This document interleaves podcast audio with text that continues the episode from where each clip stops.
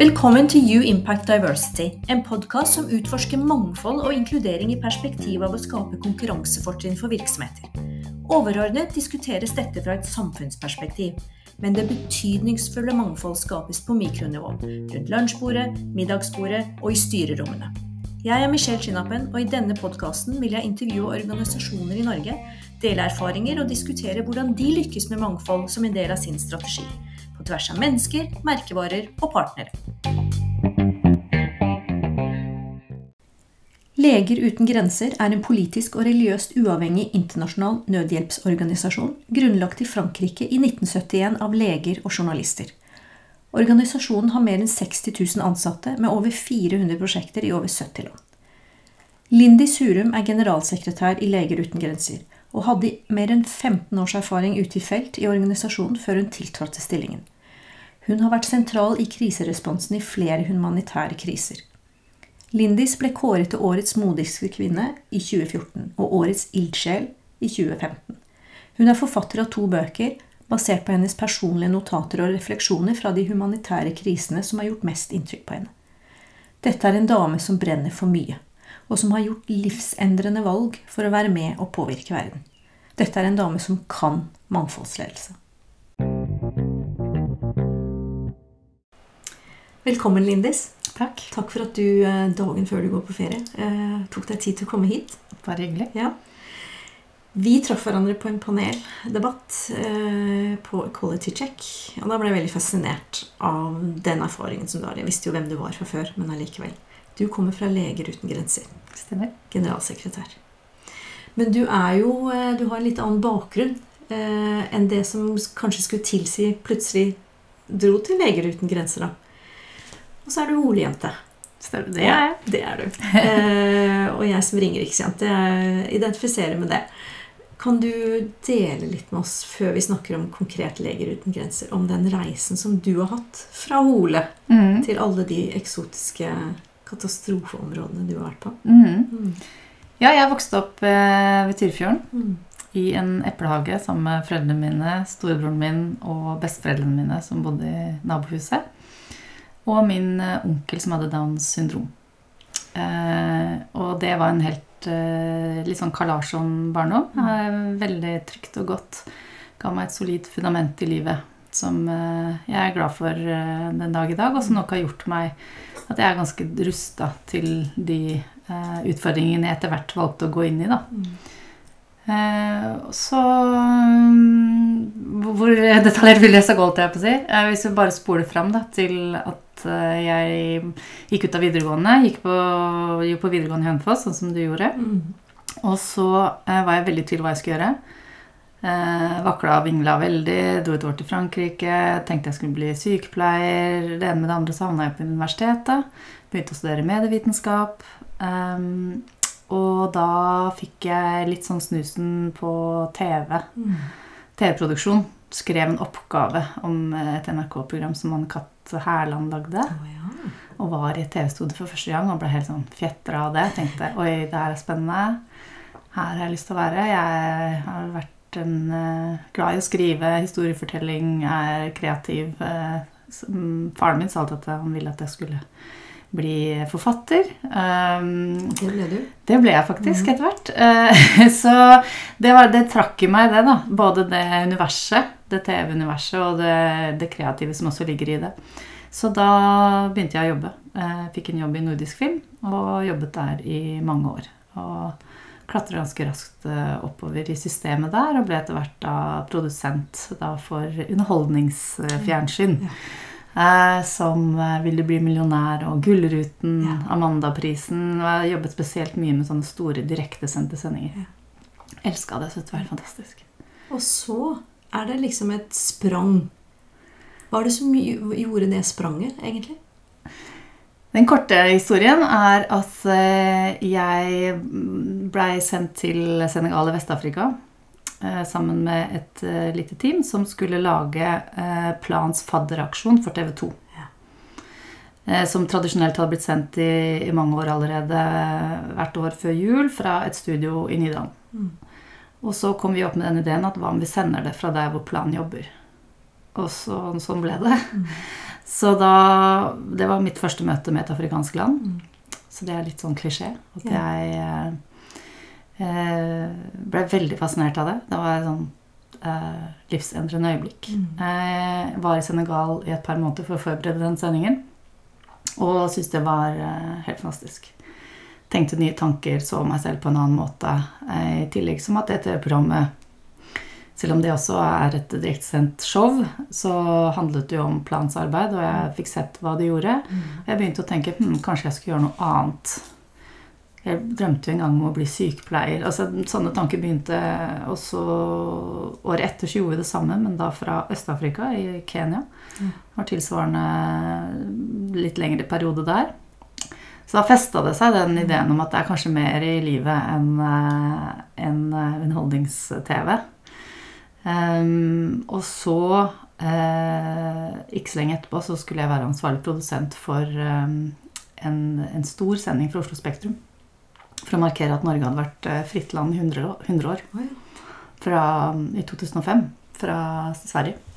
Så det var big deal, da. Det var uh, fullsatt Spektrum. Kongen var der. Den svenske kongefamilien var der. Statsministeren. eh, og jeg var ansvarlig produsent, og den lørdagen så forsov jeg meg. Ok. Ikke sånn at det var noe krise, eh, men såpass at jeg tenkte Altså, Hvis ikke konge og fedreland får meg opp av senga om morgenen, så må jeg kanskje finne på noe annet. Okay. For du veit hvordan det er når du, skal, når du skal noe som er ekstra viktig eller ekstra spennende, eller sånn, så trenger vi jo egentlig ikke vekkerklokke. Du våkner jo gjerne litt tidlig. sant? Og når jeg da faktisk greide å forsove meg, så tenkte jeg nå er lidenskapen borte for det her. Det er en veldig krevende bransje, krevende jobb. Um, og hvis jeg ikke har lidenskap for det lenger, så uh, må jeg kanskje finne på noe annet. Så jeg kom meg ned til Oslo Spektrum, og det gikk bra. Og det ble sending og, og, og det hele. Men, uh, men ikke så lenge etterpå så fant jeg tilfeldigvis ut på en fest at du trenger ikke være lege for å jobbe i Leger uten grenser. Jeg visste ikke det før du sa det. Nei, ikke sant? For det, har jo et navn som tilsier at det, det er naturlig at alle tenkte det jeg også tenkte fram til da.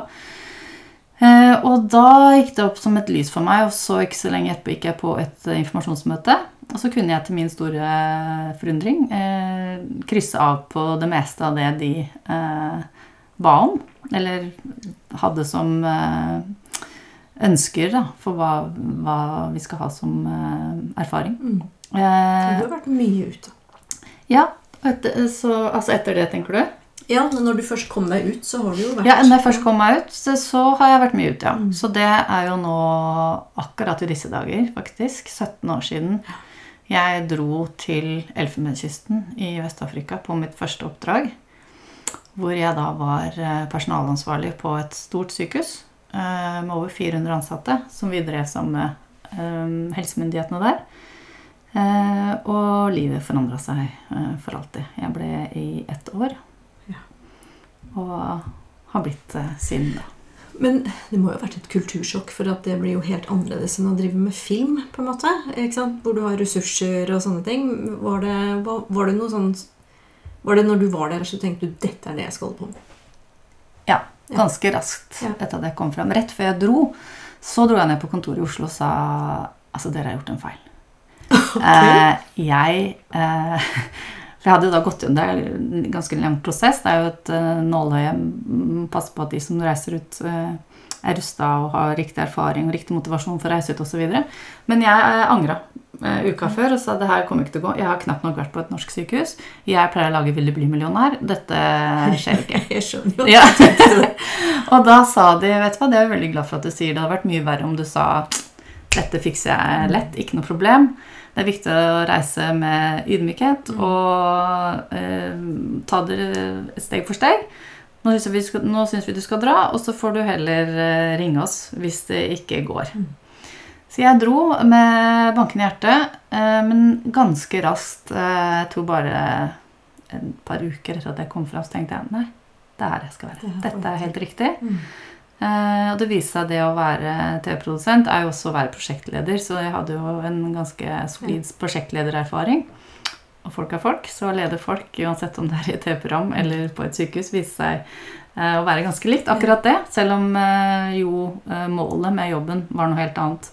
Og dermed også veldig mye bedre, fordi eh, det ga jo livet mitt ganske umiddelbart en tydelig retning og mening som, eh, som jeg ble veldig fascinert av. Jeg ble liksom forelska i legegrenser eh, innledningsvis. Eh, og så kom jeg tilbake til Norge etter et år.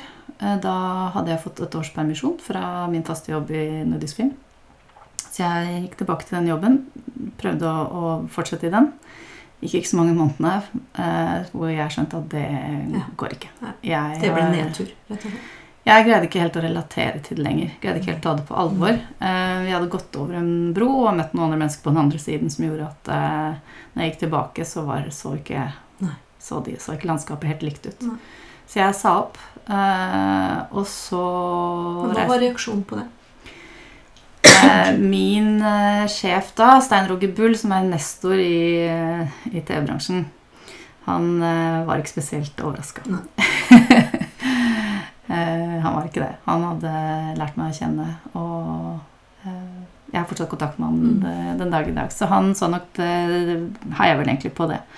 Og så reiste jeg ut igjen, og så vakla jeg litt fram og tilbake. Tok på meg noen frilansoppdrag innimellom eh, oppdragene mine. Fordi jeg skjønte jo at hvis jeg fortsetter med dette nå, så forandrer jeg livet ganske drastisk. Ja. Ehm, det var jeg ikke helt sikker på om jeg var klar for. Det er en kostnad ved å reise ut. Det er Mm. krevende. Det er psykisk eh, krevende, fysisk krevende. Mm. Eh, opplever ehm, intense øyeblikk. Møter masse mennesker som gjør dypt inntrykk.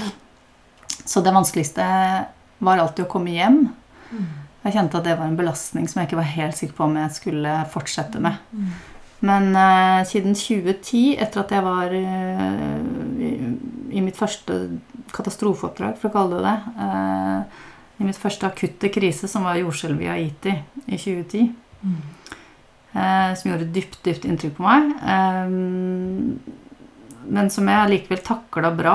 Så jeg syns det var ekstremt meningsfylt å kunne rett og slett redde liv. Mm. Så mange liv. Eh, mennesker som var rett foran meg. Mm. Eh, det er vanskelig å toppe det som Det er noe annet enn å sende penger.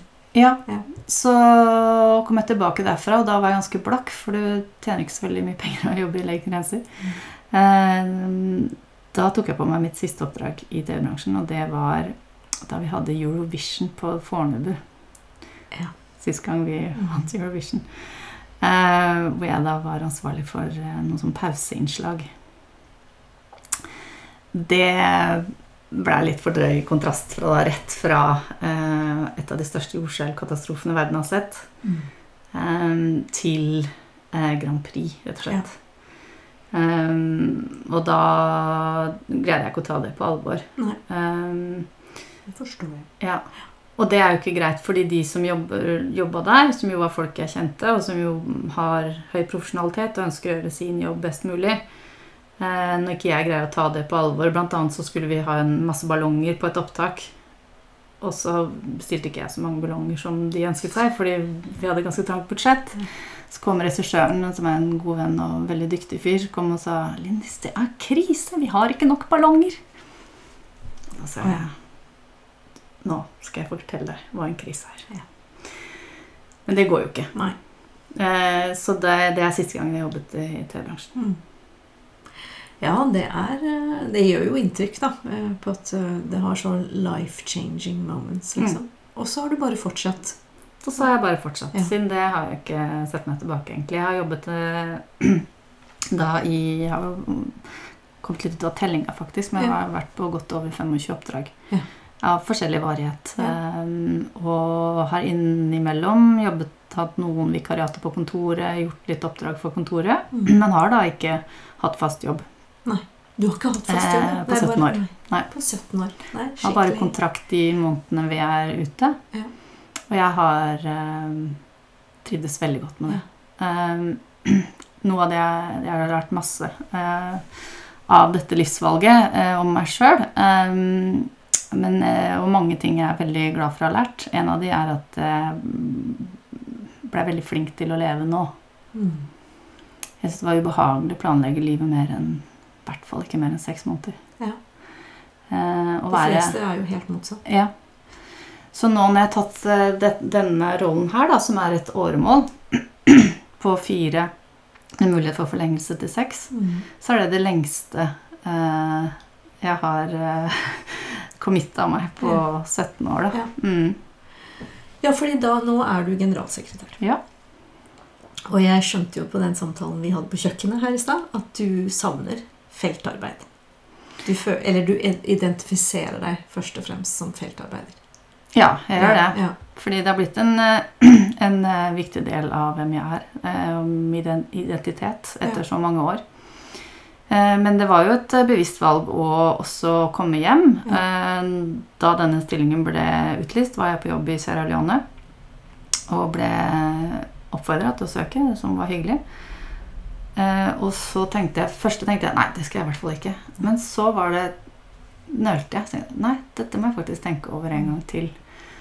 Og så veide jeg litt for og imot, og broren min sier jo at uh, min 50-årskrise består i å bli generalsekretær i uten grenser. Eh, det er ikke helt usant. Eh, det var en del tanker i forbindelse med at jeg ble 50 år. og så kjente jeg på at jeg var sliten. Jeg var sliten i empatimuskelen, som psykologen min sier. Mm. Så jeg var i ferd med å bli, eller var også delvis, empatiutmatta. Altså jeg ja. brøy meg ikke så, så mye lenger. Jeg var sliten av å oppleve mer, en nye, møte masse nye mennesker. Altså det var litt fullt i hjertet og hodet. Mm. Um, og da kjente at, da vet jeg at jeg står i fare for å bli kynisk. Mm. Uh, og en kynisk hjelpearbeider er en veldig dårlig hjelpearbeider. Ja. Uh, for de har jeg møtt. Eh, og det har jeg ikke, Nei. hadde jeg ikke lyst til å bli. Så jeg tenkte at jeg har noe godt av å eh, hvile den muskelen. Mm. Jeg har lyst til å være hjemme. Uh, moren min er fortsatt frisk, men er uh, 77 år. Ja. Jeg har lyst til å uh, være mer sammen med henne mens hun fortsatt eh, har gode år. Og så sa du det at hun har jo gått og vært redd for deg Ja. i 15 eller 17 år. Ja. Ja. Hun har um, blanda sånn uh, skrekkblanda fryd. Altså Ja. veldig glad og stolt over at jeg fant noe som passa for meg, og stolt av det jeg gjør, men også alltid veldig engstelig. Ja. Jeg er jo ikke engstelig overhodet, det er derfor jeg passer til denne jobben. Så akkurat der er vi ikke så like, men det har jo vært uh, det er kanskje det som jeg syns har vært vanskeligst med å ta det valget. Det er jo et, et, et eh, veldig egoistisk valg også. Jeg gjør det jeg har lyst til. Som gir meg noe, som utvikler meg. Altså det er jo Ja, jeg gjør det for å hjelpe noen andre, men også fordi Mm. det hjelper meg selv. Ja. Eh, men hver gang jeg valgte å reise ut, så visste jeg at jeg da eh, påførte henne og faren min mens han, levde, eh, en bekymring. Ja. Og at jeg valgte de bort. De og andre jeg er nære og Mm. glad i, eh, venner og familie, hver gang jeg reiste ut. Så jeg har gått glipp av mange merkedager. Gått glipp av mye i mine venners liv. Mm. Samtidig så har jeg fått rydda i vennekretsen, og de vennene jeg har i dag, er veldig nære og har akseptert de valgene jeg tar. Og um, nå er jeg glad for at jeg er i Norge og kan være mer sammen Ja. med både de og moren min. Da. Mm. Jeg tror det er sunt eh, altså, å rydde litt opp, faktisk. Jeg har gjort litt av det samme. Nå har jeg gjort en del karrierevalg. Mm. Hvor du har liksom som folk på en måte altså Det å akseptere at noen er i livet bare en kort stund, noen er der Mm. for perioder eller for events, eller Mm. så er det noen få som blir hele Mm. livet. Jeg tror det er kjempesunn eh, Mm. erfaring. Mm.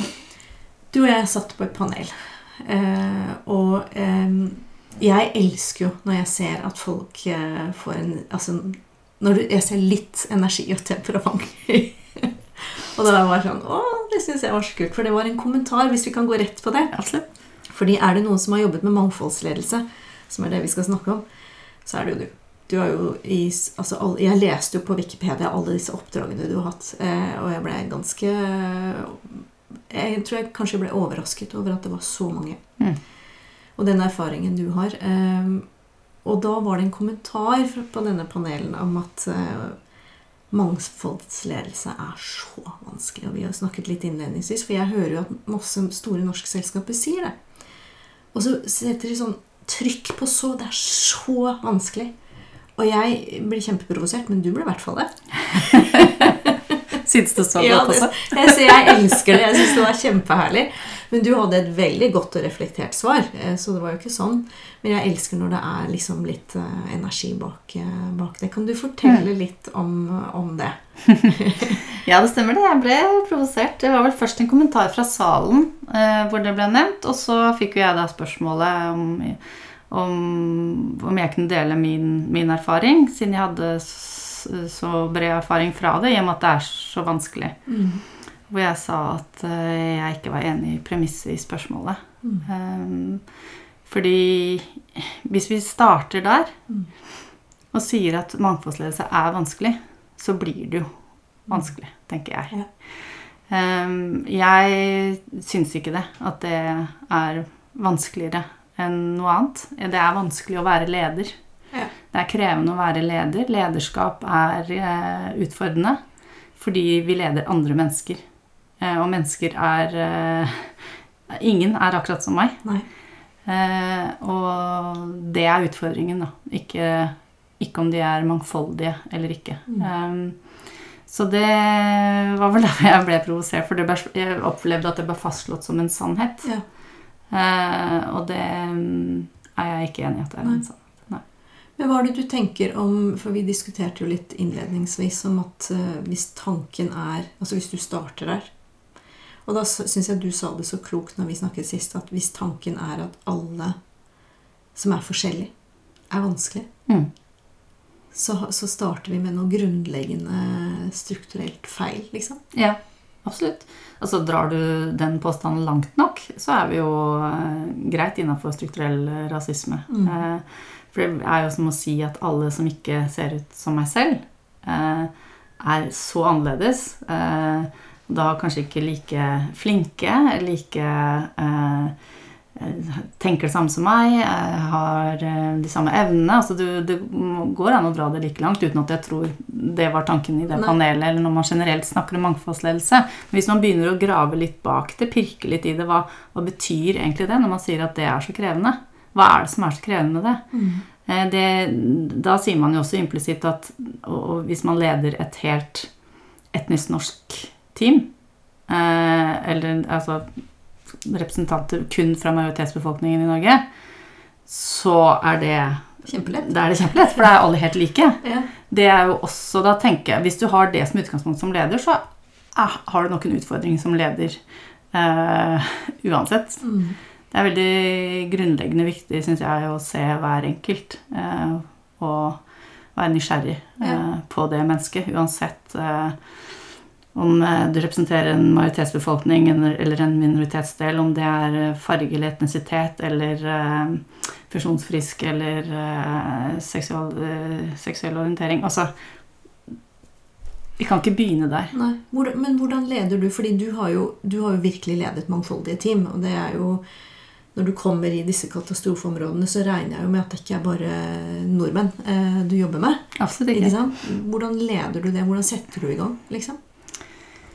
Eh, Jeg har jo en veldig fordel da, som, eh, som er at vi alltid har et veldig veldig tydelig mål, og vi vet hvor vi skal. Mm. Som jo er det aller viktigste i ethvert prosjekt, er jo hvor er det vi skal. Mm. Eh, og I tillegg så har vi en veldig sterk eh, grunn til å gjøre det. Det er ikke bare hva vi gjør, men det er også hvorfor vi gjør det. Ja. Vi skal redde liv, og vi skal gjøre det fordi dette er mennesker som meg, og jeg gjør det av solidaritet og omsorg for et annet menneske fordi jeg skulle ønske at noen hadde gjort det for meg hvis jeg var i den situasjonen. Ja. Så kombinasjonen av det gjør at det er et veldig potent team Mm. eh, som, er, eh, som fort kan få til å gjøre Ja. eh, ganske krevende eh, oppgaver under ekstremt krevende forhold. Mm. Så da blir det ganske underordna eh, hvor du kommer fra, og hva Ja. du har som bakgrunn. Eh, det blir bare hva vi skal, og hvordan Ja. vi skal få det Og hva den enkelte kan Ja. med. Ja. Det er spesielt sånn helt akutt krise som et jordskjelv eller en, eller en krig eller en epidemi. Men jeg har også jobbet i mer langsiktige eh, prosjekt. Altså det siste oppdraget jeg gjorde før jeg tok denne jobben, da i Sierra Leone, som jeg nevnte, eh, hvor vi driver et veldig veldig stort prosjekt og et stort sykehus sammen med helsemyndighetene.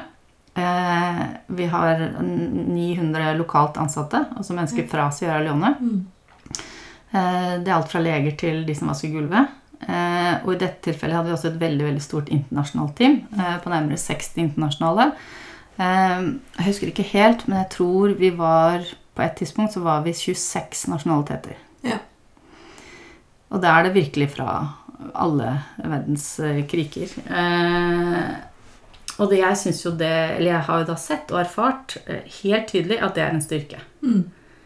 Nettopp det at man kommer med forskjellig levde liv, eh, forskjellig erfaringsbakgrunn, eh, andre perspektiv, gjør at vi som team blir bedre. Ja. Fordi vi tenker flere tanker, flere mennesker som tenker forskjellige tanker, legger de på bordet, diskuterer det, så vil eh, løsningen vi kommer opp med, blir bedre. Så er det selvfølgelig utrolig krevende for meg å lede et team med 1000 mennesker eh, i Sierra Leone. Eh, men det vanskelige med det er ikke det at vi er, eh, at vi er et mangfoldig team. Nei. Det er styrken i det. Ja. ja, det er ganske spesielt, fordi, eh, fordi det, det skal visstnok foreligge jeg har ikke sett det, foreligge forskning både for og imot mangfoldige team. Det ene er jo selvfølgelig i forhold til eh, McKinsey-rapporten hvor det står at mangfoldige team er mer profitable. Da. Men så er det sånn ok, Er det fordi de er mangfoldige, eller er det fordi de drives eh, eh, effektivt og er godt gode ledere fra før? Og jeg har jo alltid snakket om at det er ikke mangfold for mangfoldets skyld. Eh, Det er jo mangfold her i tillegg til allerede gode kvalifikasjoner i bedriftssammenheng. Men du sier egentlig at det å, være bevisst på å ha mangfold Mm. er det som gjør at dere er gode. Mm. Ja. Ja. Um, jeg tror på det. Mangfold for mangfolds skyld. Ja. Ehm, men mangfold altså da i den bredeste forstand Ja. uh, av det. Ja. Fordi uh, når alle tenker likt, så tenker ingen. Eh, og jeg, uansett om jeg nå har det som kalles mangfoldkompetanse, har jeg skjønt. Jeg er ikke så veldig glad i det. Men jeg i hvert fall jobb, har, er ganske moden på det, da. Ja. Og har bred erfaring fra det. Så vet jeg fortsatt ikke hva jeg ikke vet, som en klok kollega av meg sa. Mm. Jeg har levd mitt liv og gått gjennom verden i 51 år eh, som en erkenorsk blond eh, hvit kvinne fra et eh, svært rikt land. Eh, mer privilegert eh, er det vanskelig å bli. Eh, så selv om jeg har innsikt i og forståelse for interesse av eh, å forstå mennesker som har levd andre liv enn meg, mindre privilegerte, så vil jeg, det, vil jeg aldri kunne vite helt. Nei. Så jeg vet ikke hva jeg ikke vet, og det trenger jeg at noen forteller meg. Ja. Og når jeg får vite det, så kan vi sammen finne bedre løsninger. Mm. Men for at de skal fortelle meg det, så må jeg jo eh, åpne opp for det Ja. rommet. Mm. Um, så jeg er opptatt av empatisk lederskap og verdibasert lederskap. Mm. Um, og jeg skrev da en bok for noen år siden som heter 'Det finnes ingen de andre'. Det er bare oss. Mm. Så det går jo tilbake til det. At jeg har en veldig, veldig sterk overbevisning om at vi er alle sammen eh, veldig like innerst inne. Mm. Til tross for alt som åpenbart også skiller, skiller oss fra hverandre, Mm. så er det som gjør oss, knytter oss sammen, er veldig mye viktigere. Da. Mm.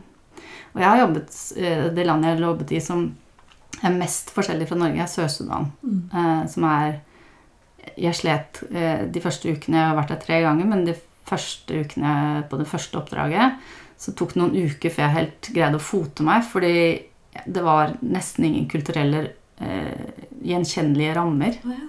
Altså, vi bodde i, i stråhytter, eh, nesten ingen snakket engelsk. De handler med kuer, ikke penger. Eh, altså det var helt sånn Jeg, jeg greide ikke helt å Det var en sånn kulturell eh, destabilisering. Eh, men eh, etter hvert som jeg var der en stund, med da mennesker som lever liv som er så ekstremt annerledes enn hva jeg har gjort, så så jeg en dag eh, to gutter som satt og, og spilte sjakk under et tre. Og dagen etter så var hun kona som gikk og henta vann hver dag, for vi hadde ikke innlagt vann. Så måtte gå og hente vann med noen bøtter på hodet i en elv. Som ikke snakket et ord engelsk. Så kom hun og vinka på meg, og så pekte hun på bakken, og så hadde hun skrevet med en pinne i, i jorda navnet mitt. Oh. Og det jeg, glemmer jeg ikke, for det var sånn aha-opplevelse. For jeg tenkte at hun er så annerledes. Altså hun er virkelig de andre. Mm. Eh, og så hadde hun da behov for å vise meg at hun visste hva jeg het. At vi, så, så fant vi en, eh, et bånd der, da. Fordi det som alle mennesker er aller, aller mest opptatt av, er egentlig bare tre ting. Har jeg kommet fram til. Mm. Um, og det Hvis du tar bort alt annet da på livets hjul Og her i Norge så er vi ganske langt ute på eika. Ja. Det går ganske fort, det hjulet. Vi mister det av syne. Så noe av det jeg setter mest pris på med å ha jobbet så mange år tett på mennesker i reell eh, lidelse um, Ofte menneskeskapt lidelse. Mm. Så jeg kom fram til det er tre ting vi alle sammen, uansett hvem vi er, hvor vi bor, eh, hvordan vi ser ut, hvilken gud vi tror eller ikke tror på, er. Og det er å være frisk Mm. og trygg og sammen med de vi er glad i. Mm. Og hvis en av de tre mangler, Mm. så har vi det ikke noe bra. Nei. Og hvis vi kan gå inn i ethvert eh, møte, menneskemøte, men også som leder i møte med de du skal lede, med, med den eh, erkjennelsen, da, Mm. Så vil vi alltid kunne møtes i det. Ja. Vi er bare folk. Mm. Eh, og det aller viktigste i lederskap, som i min erfaring, er at de, de som jobber i, i, i mitt team, føler seg sett og hørt. Mm. Stille spørsmål. Mm. Eh, spørre hva de synes. Eh, så jeg er også heller ikke enig i de som sier at ja, i noen kulturer så krever de at du er mer eh, direktiv eller eh, hierarkisk, eller eh, ellers så fungerer det ikke. Det er jeg ikke helt enig i. Nei, du har jo egenhendig erfaring. ja, jeg har ganske bred kunnskapsgrunnlag på det over, fra veldig mange land og fra forskjellige kontinenter, så jeg tror jeg Men du er jeg opplever kanskje at, at suksesskriteriet her er tydelighet fra Mm. lederskapet. mm, At det ikke er rom for utydelighet. At det, at det skaper utrygghet. mm. Ja. Men også å bare si eh, at du syns det er vanskelig, da. Ja. Hvis du syns det er vanskelig. Mm. Si det. Mm. Si, dette, jeg har aldri hatt noen med din bakgrunn Mm. eh, i mitt team. Ja. Eh, det syns jeg er litt skummelt, eller det syns jeg er litt vanskelig. Eh, kan vi snakke litt om det? Ja. Um, det jeg, jeg tenker at det egentlig ikke er vanskeligere enn det. Nei. Altså Mangfoldssertifisering, hva er det? det altså jeg har jo også vært den, den andre Mm. veldig mange ganger. Eh, jeg har vært den som har vært mest annerledes. Jeg har vært steder hvor de aldri har sett et hvitt menneske. Um, så jeg har jo opplevd det den andre veien nå. Mm. Det er jo bare å spørre hva ville jeg ha ønska å bli møtt med hvis Mm. jeg var den som var mest annerledes på en arbeidsplass? Du ville jo ikke ha blitt ønska å bli møtt med en mangfoldssertifisering. eller et spørreskjema, eller en sånn eget opplegg for deg, fordi du, du vil jo bare spørre 'Hvem er du?' Mm. Eh, hvordan kan vi best jobbe sammen? Hva trenger du av meg? Men hvordan var det, da? Å bli møtt, altså komme til steder hvor folk ikke hadde sett et hvitt, blondt, eh, blåøyd menneske før? Den første gangen var faktisk på det oppdraget for TV 2 da, Ja. i Senegal. Som var en av de tingene jeg syns var sånn veldig perspektivforskyvende Ja. og, og fint. Ja. Eh, jeg hadde jo da eh, i mitt privilegerte liv ikke tenkt over en dag at eh, jeg er hvit. Nei. Og det er det jo eh, veldig veldig mange mennesker som eh, ikke har det sånn. Mm. Som tenker over hele livet sitt hvilken hudfarge de har. ikke sant? Mm. Så det var en sånn eh, Ja, et øyeblikk eh, som, som gjorde at jeg tenkte et ras med nye tanker rundt det. Mm. Um, men jeg har jo stort sett alltid hatt eh, interessante, spennende, eh, rare opplevelser Mm. med det. Eh, men det å gå da og være så bevisst, som jeg vet at veldig mange mennesker er Mm. Mange mennesker går rundt og hele tiden bevisst eh, hvordan de ser ut, Mm. eh, hvilke klær de har på seg. eh, at det må være utmattende Mm. eh, og slitsomt. Eh, Ja, jeg, jeg visste jo ikke at jeg synlig. ikke var hvit eh, Mm. før jeg begynte på barneskolen Mm. Hausbygd. Vang skole Mm. i Hausbygd. Så Mm. var jeg sånn Hm, dette var litt rart. Mm. så, mm, så jeg har hatt den andre opplevelsen. For jeg Mm. vokste opp i London, og der var det jo blanding på skolene. Ja. Ja. Men uh, hvis du skulle For jeg har litt lyst til å bevege meg over også på uh, hvordan dere jobber i Leger uten grenser. For jeg var og uh, Altså, jeg, jeg falt ned i et sånn kaninhull når jeg begynte å lese om dere.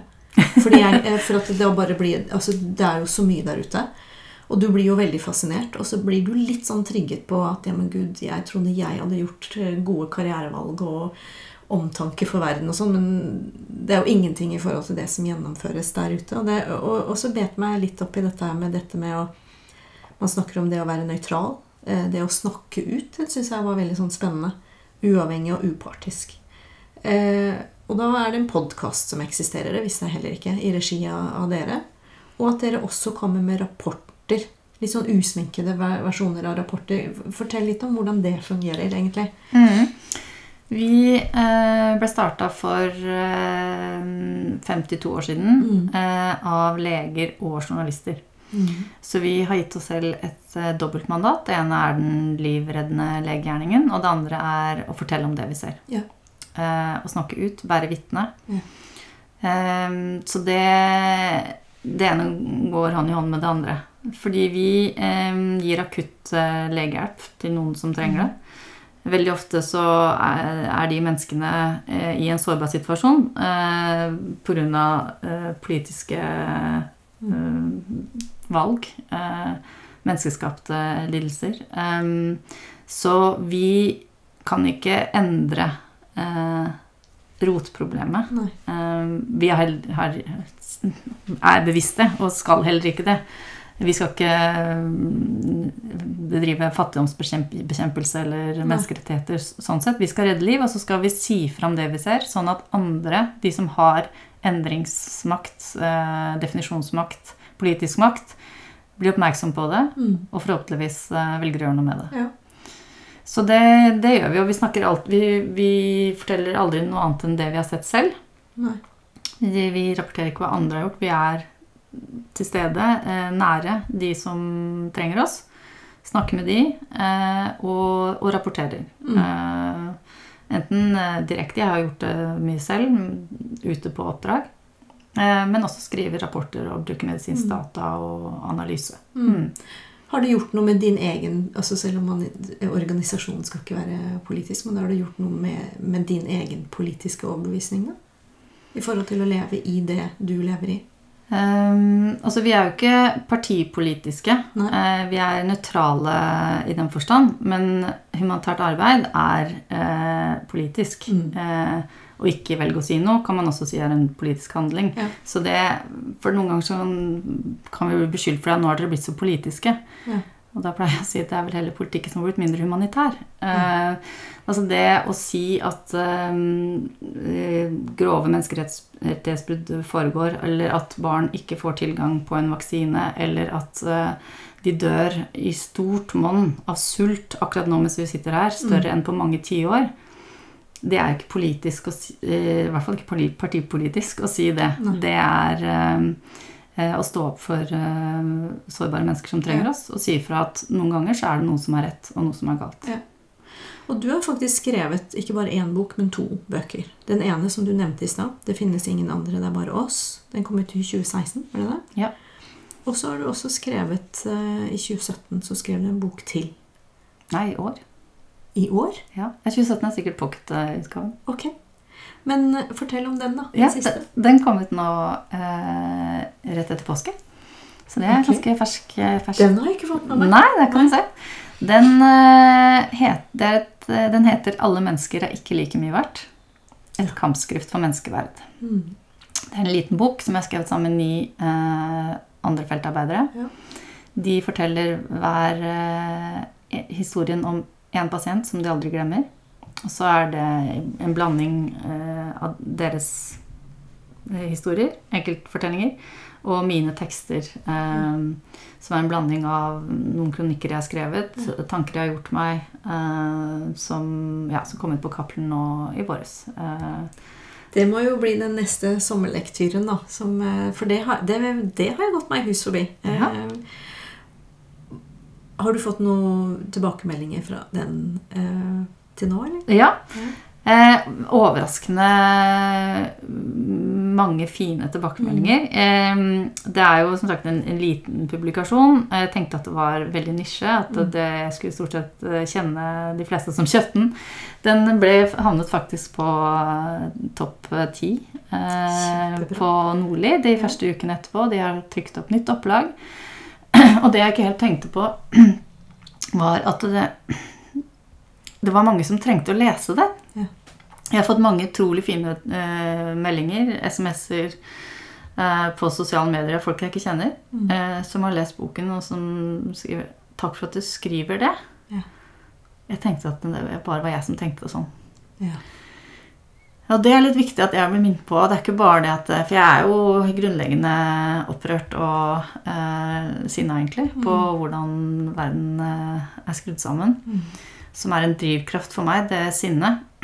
Og jeg ønsker jo å endre, men det er viktig å huske på at det er mange som tenker sånn som meg, og det er viktig at vi også eh, ser hverandre. Ja. Sånn at, for jeg kan også bli veldig motløs. Mm. Eh, dystopisk, faktisk, til tider. Ja. Og ikke orke. Ja. Fordi det går ikke spesielt bra eh, på mange fronter i verden i dag. Nei. Men vi er mange, da. Vi er mange som ser det. Eh, så det var veldig fint for meg òg. Tror du det er eh. Altså jeg snakker med mye unge mennesker, unge voksne. Mm. Jeg opplever, og det kan jo være i min sfære, men at opplever en litt sånn verdiforskyvning. Mm. Hva, hva, tenker du? Eh, det går sikkert ikke fort nok, men, men uh, opplever du det? Ja, en positiv, positiv verdiforskyvning i forhold til jeg er nok dessverre litt for langt inn i den delen mm. hvor, hvor, den forskyvningen går feil retning. Ja. Eh, men det er godt du sier det, for jeg trenger da å bli minnet på det. Ja. Eh, at det kommer en generasjon. Eh, og de forhåpentligvis ser litt annerledes på det. Mm. Sånn som yngre generasjoner ofte har gjort. Ja. Men i denne jobben her, det som er kanskje det mest krevende med den jobben å sitte her hjemme Nå må jeg jo sitte her hjemme, nå kan jeg ikke reise ut. Og jeg kan reise ut på noen, kanskje noen korte oppdrag, men i utgangspunktet skal jeg sitte her. Mm. Og da kan jeg ikke reise ut, sånn som jeg har gjort da i så mange år. Eh, og jeg får jo da inn i, i mailboksen og på annet vis hver eneste dag mm. eh, hvor galt det går. Eh, mm. vi er til stede i over 70 land, Leger uten grenser.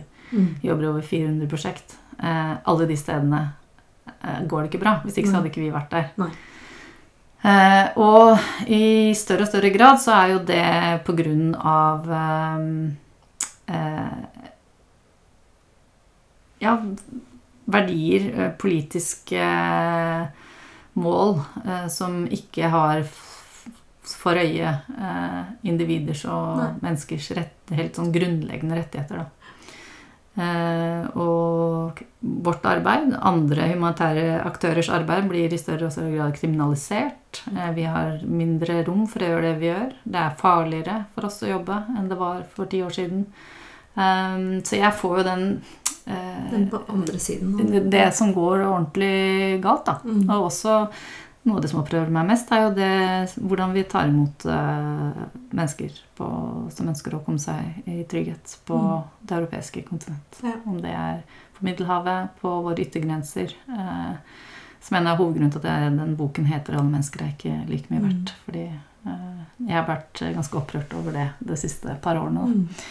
Så det er jo grunnen til at jeg rett og slett må logge av helt ja. av innimellom. Um, hvis ikke så faller jeg helt inn i dystopia.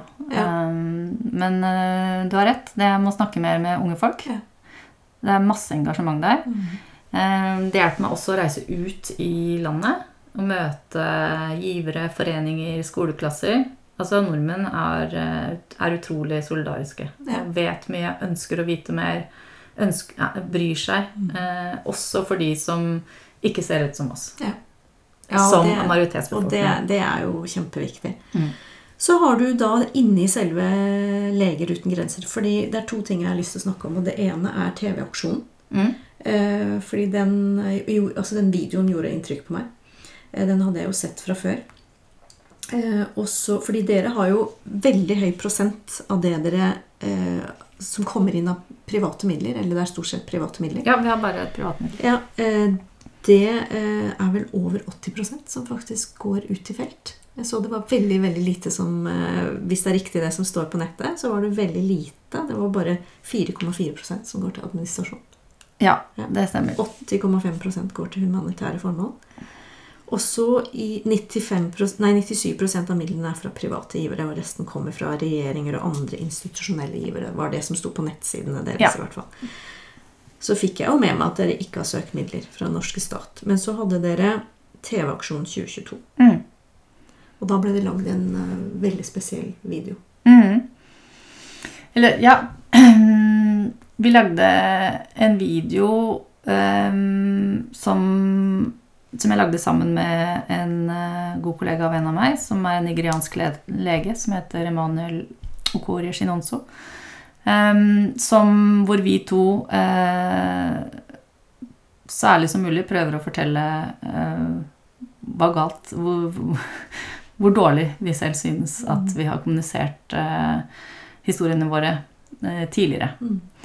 Det er kanskje litt kryptisk for de som hører på hvis de ikke har sett den videoen. Så jeg tror jeg må begynne med at Det begynte ikke med videoen, det begynte med selve kampanjen for TV-aksjonen. Eh, som jo er eh, en enorm markedsførings- og kommunikasjonskampanje.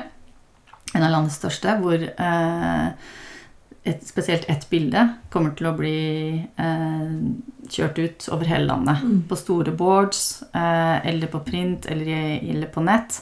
Og også store sånn hele T-banestasjonen på Nationaltheatret mange meter langt bilde.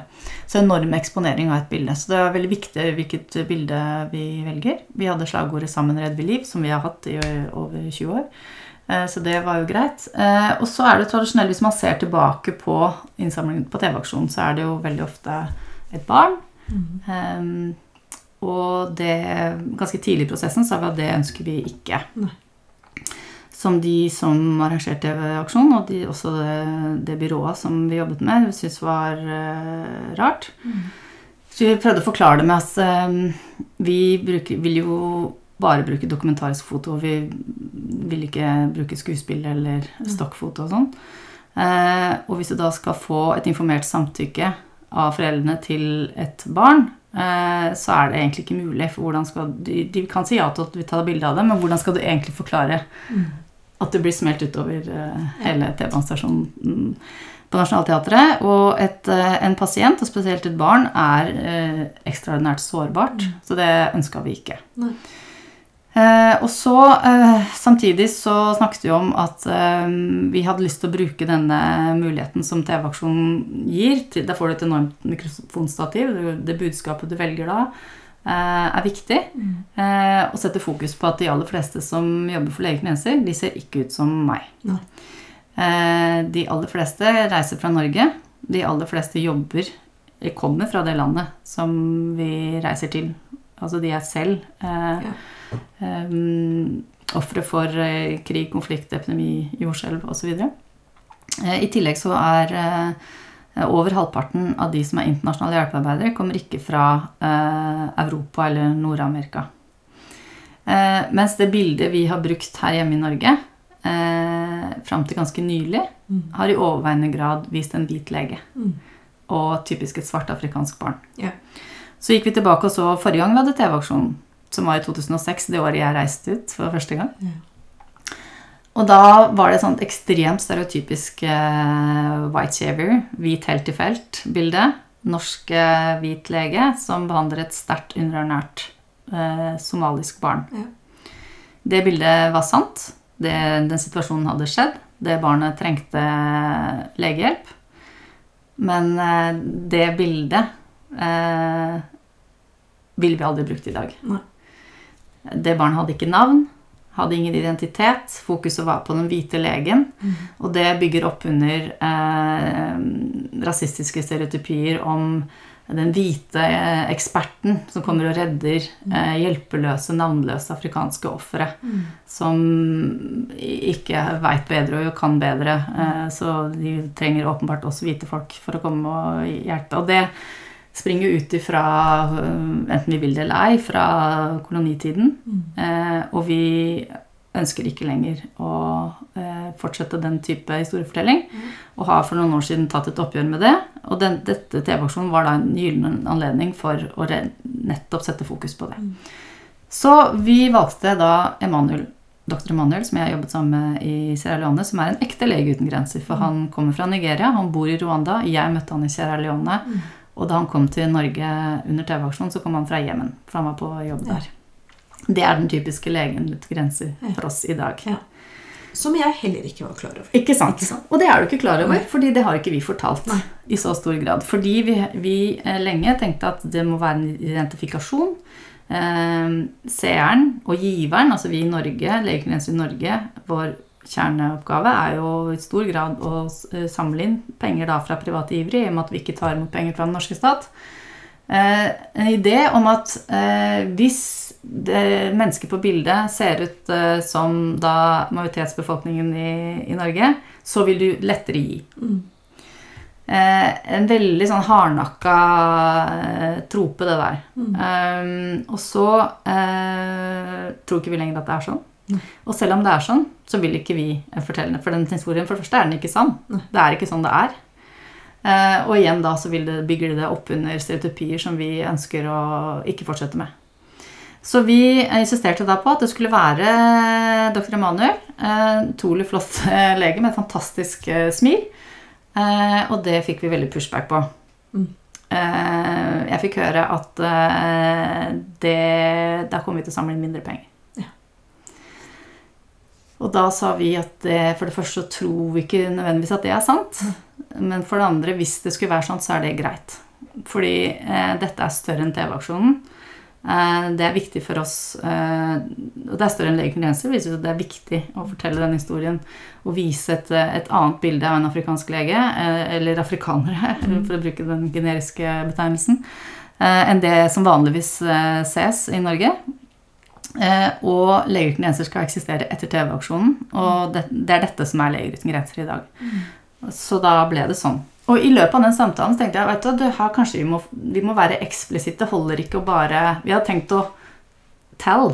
Bare, bare show don't tell. Men vi skjønte at vi måtte show and tell. Fordi det var ikke åpenbart, da. eh, For det byrået, andre mennesker, hvorfor vi valgte dette. Ok, da må vi si det. Så da sa vi det og lagde den videoen. Og viste da det bildet fra 2016 og sa at dette var feil. Dette var ikke greit. Dette har vi ikke lyst til å gjøre igjen. Og det har vi ikke lyst til å gjøre igjen pga. alle de, de grunner som jeg nå har, eh, har gjengitt. Um, og så publiserte vi den før uh, TV-aksjonen. Det var noen interne diskusjoner om vi skulle gjøre det før eller etter. Det var noen som var litt skeptiske til at har vi lyst til å eh, rote opp i det på forhånd. Ja. Og så bestemte vi at jo, vi må gjøre det før, for det er når det har en kostnad at det er viktig å si det. Så gjorde vi det, og så var vi ikke helt sikre på hvordan det skulle bli mottatt. Og det ble 100 eh, Jeg har ikke fått én negativ kommentar fra norsk Ja, eh, befolkning på den. Dere fikk inn mye penger også. Og vi fikk eh, satt rekord. Det er så oppløftende. Jeg syns det er viktig Ja. å få høre det Så skulle du sett eh, Nordmenn har lyst til å også bidra og hjelpe en afrikansk lege til å redde liv. Eh, selvfølgelig har de det. Ja. Um, eh, en liten anekdote som jeg syns er litt viktig. Fordi vi, vi ba om at hans navn skulle stå på plakaten. Og han har da et ganske langt navn. Emanuel Shinonso Okorie. Og da sa de ja, men det går ikke, det er jo veldig langt navn. Det blir jo ikke noe pent på plakaten. Det kan vi ikke ha. Så jeg, ja, nei, men vi, vi skal ha det. Men hvorfor det? Jo, fordi han heter det. Dette er et ekte menneske. Det er ikke en illustrasjon. Det er ikke eh, satt opp i et studio. Dette er, det er ikke bare Jeg ville at eh, de som så det, ikke bare skulle tenke at det var en eller annen eh, afrikaner med et stetoskop. Det er et ekte menneske som, med et ekte liv og med, med reell erfaring. Og så kom jo også Emanuel til Norge i den siste uka før aksjonen. Og jeg hadde den store glede av å reise rundt med han i Norge. Og han på gata i Trondheim så ble han spurt om å skrive autograf av kidsa. Så det var ganske gøy. Ja, det er fantastisk. De hadde fått det med seg. De hadde fått, De hadde med fått det med seg. Ja. Mm. Det siste jeg har lyst til å snakke om, er jo at dere har gjort litt tiltak eh, internt også i Leger uten grenser. Siden vi snakker om mangfold. Eh, kan vi avslutte med liksom det? Fordi jeg vet at du brenner for det også. Ja, du brenner for så mange ting. Ja, jeg brenner for mye. Ja. Nei, det var Det er vel en av de grunnene til at jeg også hadde lyst til å gå inn i denne rollen. Eh, fordi um, Leger uten grenser eh, er Det er mange spennende og tiltrengte eh, endringer. Mm. Transformative prosesser vi er inne i nå. En slags 50-årskrise som er tiltrengt. Mm. Um, hvorav en av de er et oppgjør med strukturell rasisme. Internt hos dere. Internt hos oss. Mm. Uh, og jeg, uh, i denne rollen, så sitter jeg rundt noen bord internasjonalt. Vi er jo en stor internasjonal organisasjon. Uh, som jeg ikke ville gjort hvis jeg fortsatte å være hjelpearbeider ja. ute i prosjektene. Um, og har lyst til å være med på de endringsprosessene og, og bruke min erfaring og min stemme og hvordan jeg syns at eh, vi bør endre oss. Eh, så det var en, eh, en viktig faktor for å velge denne jobben, faktisk. Eller velge jobben, hører du. Søke jobben. Det var styret som valgte meg. Takk for det. Ehm, så det begynte jo med drapet på George Floyd. Eh, hvor eh, Leger uten grenser, som resten, store deler av resten av verden, hadde en oppvåkning. Eh, så er det jo trist at det måtte noe sånt til, men sånn er det jo ofte. At det er noen sånne store fyrtårn av noen øyeblikk som gjør at ting endrer seg. Eh, Så det gjorde det også hos oss, eh, hvor vi plutselig begynte å ha samtaler som det har vært vanskelig å ha før det. Da det vi var vanskelig å snakke om rasisme. Altså Ordet rasisme er jo Det er lada, vanskelig. eh, Det er mye smerte bak. Det er mm, fornektelse. Altså det er så mye å pakke ut. Eh, Men da kunne vi plutselig begynne å snakke om det. Og det var jo veldig mange mennesker som jobber hos oss, som hadde enormt behov for å snakke om det. Mm. Som hadde opplevd det hos oss. Det er en tankefeil å tro at bare fordi vi også redder liv eh, og eh, gjør veldig mye godt og har en intensjon om å gjøre godt, og så er det bare blomster og regnbue. Eh, sånn er det ikke. Alt som skjer ute i verden, skjer i Leger uten grenser og i alle andre hjelpeorganisasjoner. Um, det finnes folk som ikke burde jobba hos oss, hos oss også. Ja. Det er nå en del av det. Men det som vi, vi tok først og fremst tak i, var dette med strukturell rasisme, da, som vi nå i dag snakker høyt og tydelig om. Og det eh, Og det er ikke så lenge siden vi ikke kunne snakke om det i det hele tatt. Eh, så, så det er en god endring i seg sjøl. Jeg tror på det. Bare det å kunne snakke om det, sette ord på det og ha rom for å, for å å rase og også ikke forstå og alt det der. Man må gjennom den fasen før, før vi kan få gjort noe med det. Det ble skrevet et brev eh, til eh, den internasjonale presidenten eh, som ble underskrevet over 1000 ansatte, og jeg var en av de som skrev under, hvor det ble bedt, eh, eller krevde, og at nå må vi et, ta et oppgjør, og vi må gjøre bedre. Eh, og jeg skrev jo ikke under åpenbart fordi jeg selv har vært eh, et offer for strukturell rasisme, eh, men fordi jeg hadde observert det. Ja. Eh, jeg måtte se meg sjøl i speilet og se at dette har jeg kanskje ikke gjort så veldig mye med sjøl for å endre. Og akkurat som vi måtte ha menn for å kjempe for oss kvinner når vi hadde behov for Og fortsatt har, men altså Særlig da. altså Kvinnekampen hadde ikke kommet så langt hvis ikke det også var noen menn som Nei. var med på det. Så eh, jeg som da hvit privilegert eh, kvinne fra Norge eh, ville bruke det, det til å eh, skrive under det brevet. Og, eh, fordi jeg er ikke så sårbar i den kampen som, som mange av de som, som trenger at vi tar den. Da. Så jeg må, jeg må bruke min, min stemme og nå min rolle. Ja. Og nå har jeg også definisjonsmakt i den, denne rollen til, til å gjøre de endringer som jeg syns, og nå heldigvis eh, de aller fleste legekrenser syns, synes eh, at vi må gjøre. Betyr det litt mer eh, rettferdig rekruttering? Altså alt ned på, på rekrutteringsnivå? Hvem som sitter Ja, det er jo hele Det er jo en kultur, kulturendring. Ja. Um, en holdningsendring. Først var jo det da bevisstgjøringen. Mm. Eh, som jeg syns vi har kommet veldig langt eh, i.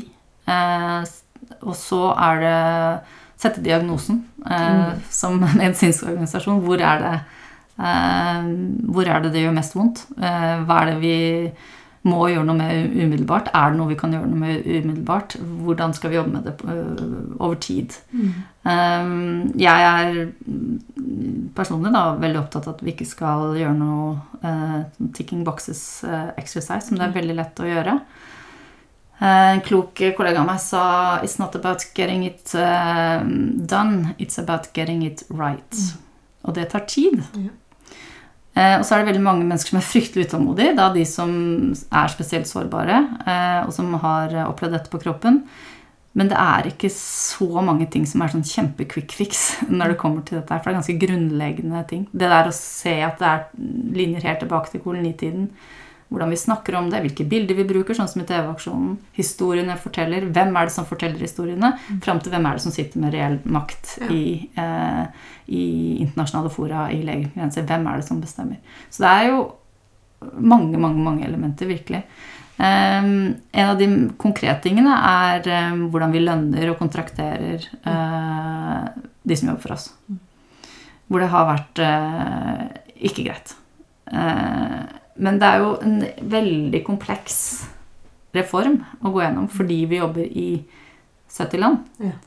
Med mennesker fra over 70 land. Flere, ja. Så der er, der er, det jo arbeidsrett, eh, det er eh, kulturelle, lokale kontekster. Det er eh, veldig, veldig komplekst.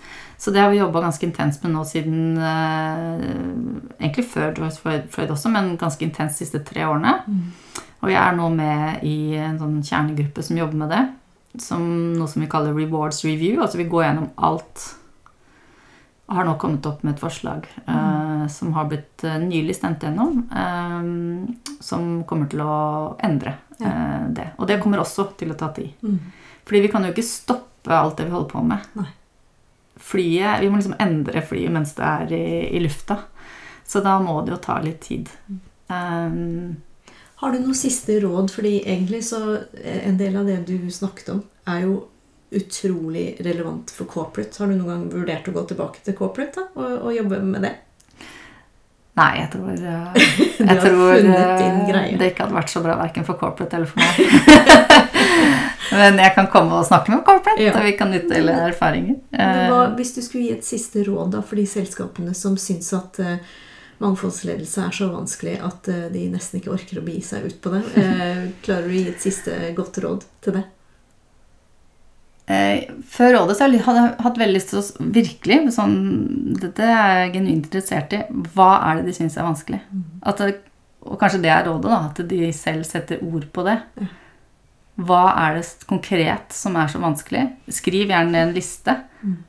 Og så se hvordan, da, hva, hva, hvordan er det jeg som leder da kan møte den vanskeligheten. Vi som ledere, toppledere i norske eh, corporate, har jo enormt mange utfordringer hele mm. tiden. Jeg kan ikke tenke meg at det å lede et mangfoldig team er mer utfordrende enn alt det andre de står i. Mm. Men, det, men det, er kanskje det, da, at de har så mye annet å tenke Herregud, skal jeg gjøre det òg? Det er liksom én ting til på lista. Men heller gå inn i det med nysgjerrighet og jeg kan da virkelig skrive under to streker under svaret. Det er ikke så vanskelig, og det er utrolig spennende og givende. Jeg har blitt en veldig mye bedre leder. Jeg tror jeg har blitt et bedre menneske av å jobbe i mangfoldige team. Bare tenke at det er bare mennesker som deg og meg. Still spørsmål. Si at du er usikker. Vis deg som sårbar. Det er ingenting som skaper mer tillit og trygghet enn å vise deg som en sårbar leder. Lindis, tusen hjertelig takk for at du kom. Eh, og jeg ønsker deg en kjempegod ferie fra i morgen. Tusen takk. Samme til deg. Takk for at du lytter. Del gjerne, så verdifull erfaring og praksis kan nå andre som er i ferd med å navigere seg innen dette området. Hvis du ønsker å starte prosessen i egen organisasjon eller ta eksisterende arbeid videre, ta gjerne kontakt. Kontaktinfo finner du i podkastbeskrivelsen. Det er kun ved å delta aktivt på samtalen at du kan være med på å drive positive endringer. Uansett hva mangfold betyr for deg og din organisasjon. Det er kun ved å dele at vi aktivt kan gjøre hverandre gode og gjøre læringskurven brattere. Jeg ønsker å etterlate positive fotspor.